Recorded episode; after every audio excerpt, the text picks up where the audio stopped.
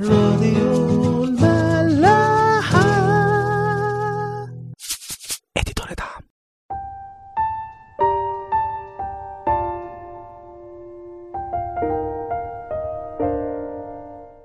مساء الخير واهلا بيكم في عيش وملح. آخر مرة كنا بنتكلم في صمويل أول إصحاح 23 لما داوود كان هربان من شاول والناس راحت تقوله إن الفلسطينيين بيحاربوا مدينة اسمها قعيله وبينهبوها. داوود واللي معاه بيترددوا يروحوا يحاربوا ولا لأ؟ عشان هم أصلا هربانين مش ناقصين مشاكل. وداود بيسأل ربنا مرتين هل أروح وأحارب الفلسطينيين في قعيلة؟ فربنا بيرد المرتين ويقول له روح خلص قعيلة وأنا هدفع الفلسطينيين لإيديك. وفعلا بيروح داود وينتصر على الفلسطينيين هناك. ولما شاول بيعرف بمكانه بيدعو جميع الشعب للحرب والنزول لمحاصرة داود ورجالته. لما داود بيعرف بيصلي لربنا وبإرشاد منه بيسيب قعيلة وشاول بيعدل عن النزول. بعد ما بيعرف إن داود هرب للبرية. بس يقول الكتاب برضو وكان شاول يطلبه كل الأيام ولكن لم يدفعه الله ليديه. وسط كل ده ووسط خوف داود وهو في برية زيف بيجيله يونسان ابن شاول عدو. ويقول الكتاب وشدد يده بالله. يعني شجعه. وقال له لا تخف لأن يد شاول أبي لا تجدك. أنت هتملك على إسرائيل وأنا هكون التاني بعدك. حتى شاول عارف كده برغم كل محاولاته لقتلك. وبيقطعوا عهد قدام ربنا كعادتهم. وداود بيفضل في البرية ويونسان بيرجع بيته. الكتاب مش بيذكر أي لقاء تاني بين يونسان وصاحبه داود يعني ده في الغالب كان آخر لقاء ما بينهم. يونسان يخاطر بحياته عشان يروح يشجع داود هو ما كانش بإيده أي حاجة تاني يعملها عشان ينقذ داود من اللي هو فيه.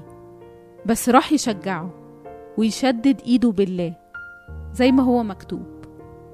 وراح كمان يفكره بالوعد بتاع ربنا ليه إنه هيملك على إسرائيل. وإنه مفيش شك في كده. داود ويونسان وحتى شاول عارفين إن ده اللي هيحصل في الآخر. بيقول له كمان إنه لما هيملك على إسرائيل هو هيبقى التاني بعده. ده على حسب توقعات يونسان يعني. من كتر ما هو متضع.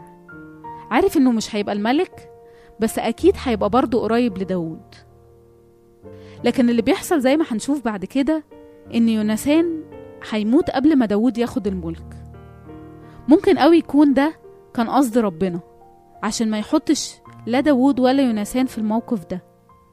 لو شاول هو بس اللي كان مات كان هيفضل يونسان وداود الأصدقاء مع بعض. هما كانوش هيتصارعوا على السلطة بس داود كان هيضطر ياخد الملك من يونسان وربنا مرضاش يخلي داود يقف في الموقف ده. يونسان راح وشجع داود وفكروا بمواعيد ربنا ليه. أحسن حاجة ممكن صديق بحقه حقيقي يعملها. كتير قوي بنلاقي اللي حوالينا متضايقين وتعبانين.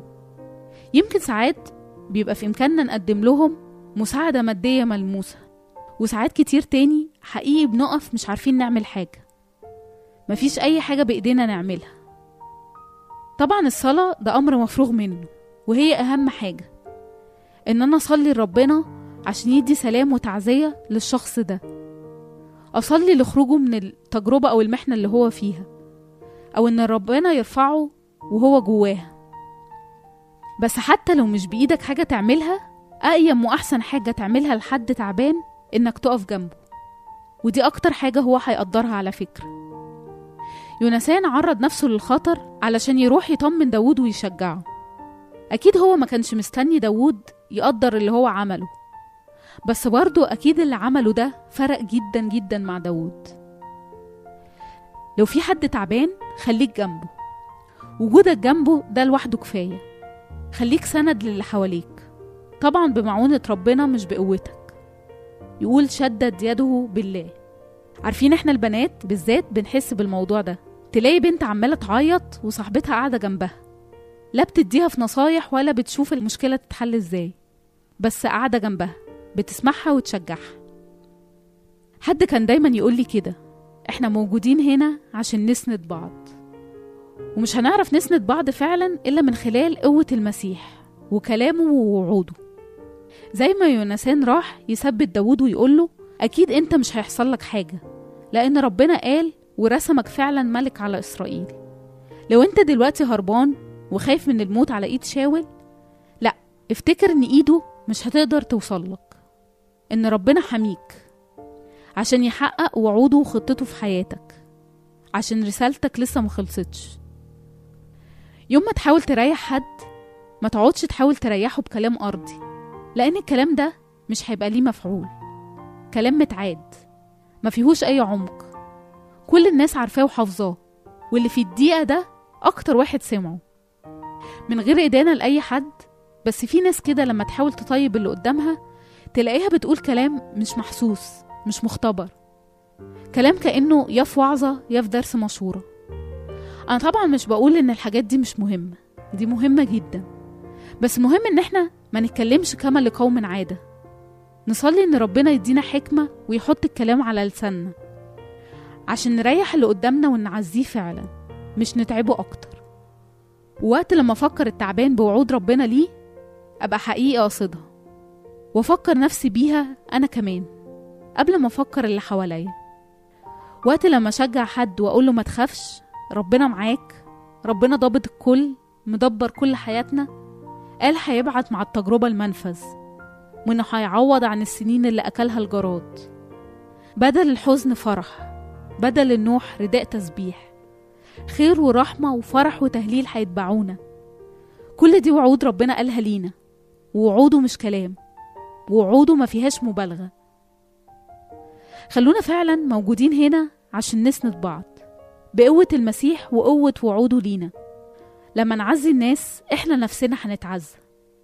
والعكس لما إحنا نكون مليانين ومختبرين ربنا ومتعزيين بيه تعزيتنا للي حوالينا هتبقى مختلفة وهتبقى فعالة أكتر. هتبقى بجد. بولس في رسالته التانية لأهل كورنثوس الإصحاح الأول يقول الذي يعزينا في كل ضيقتنا حتى نستطيع أن نعزي الذين هم في ضيقة بالتعزية التي نتعزى نحن بها من الله.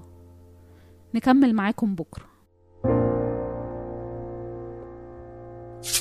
راديو ملاح. ادي دنيا طعم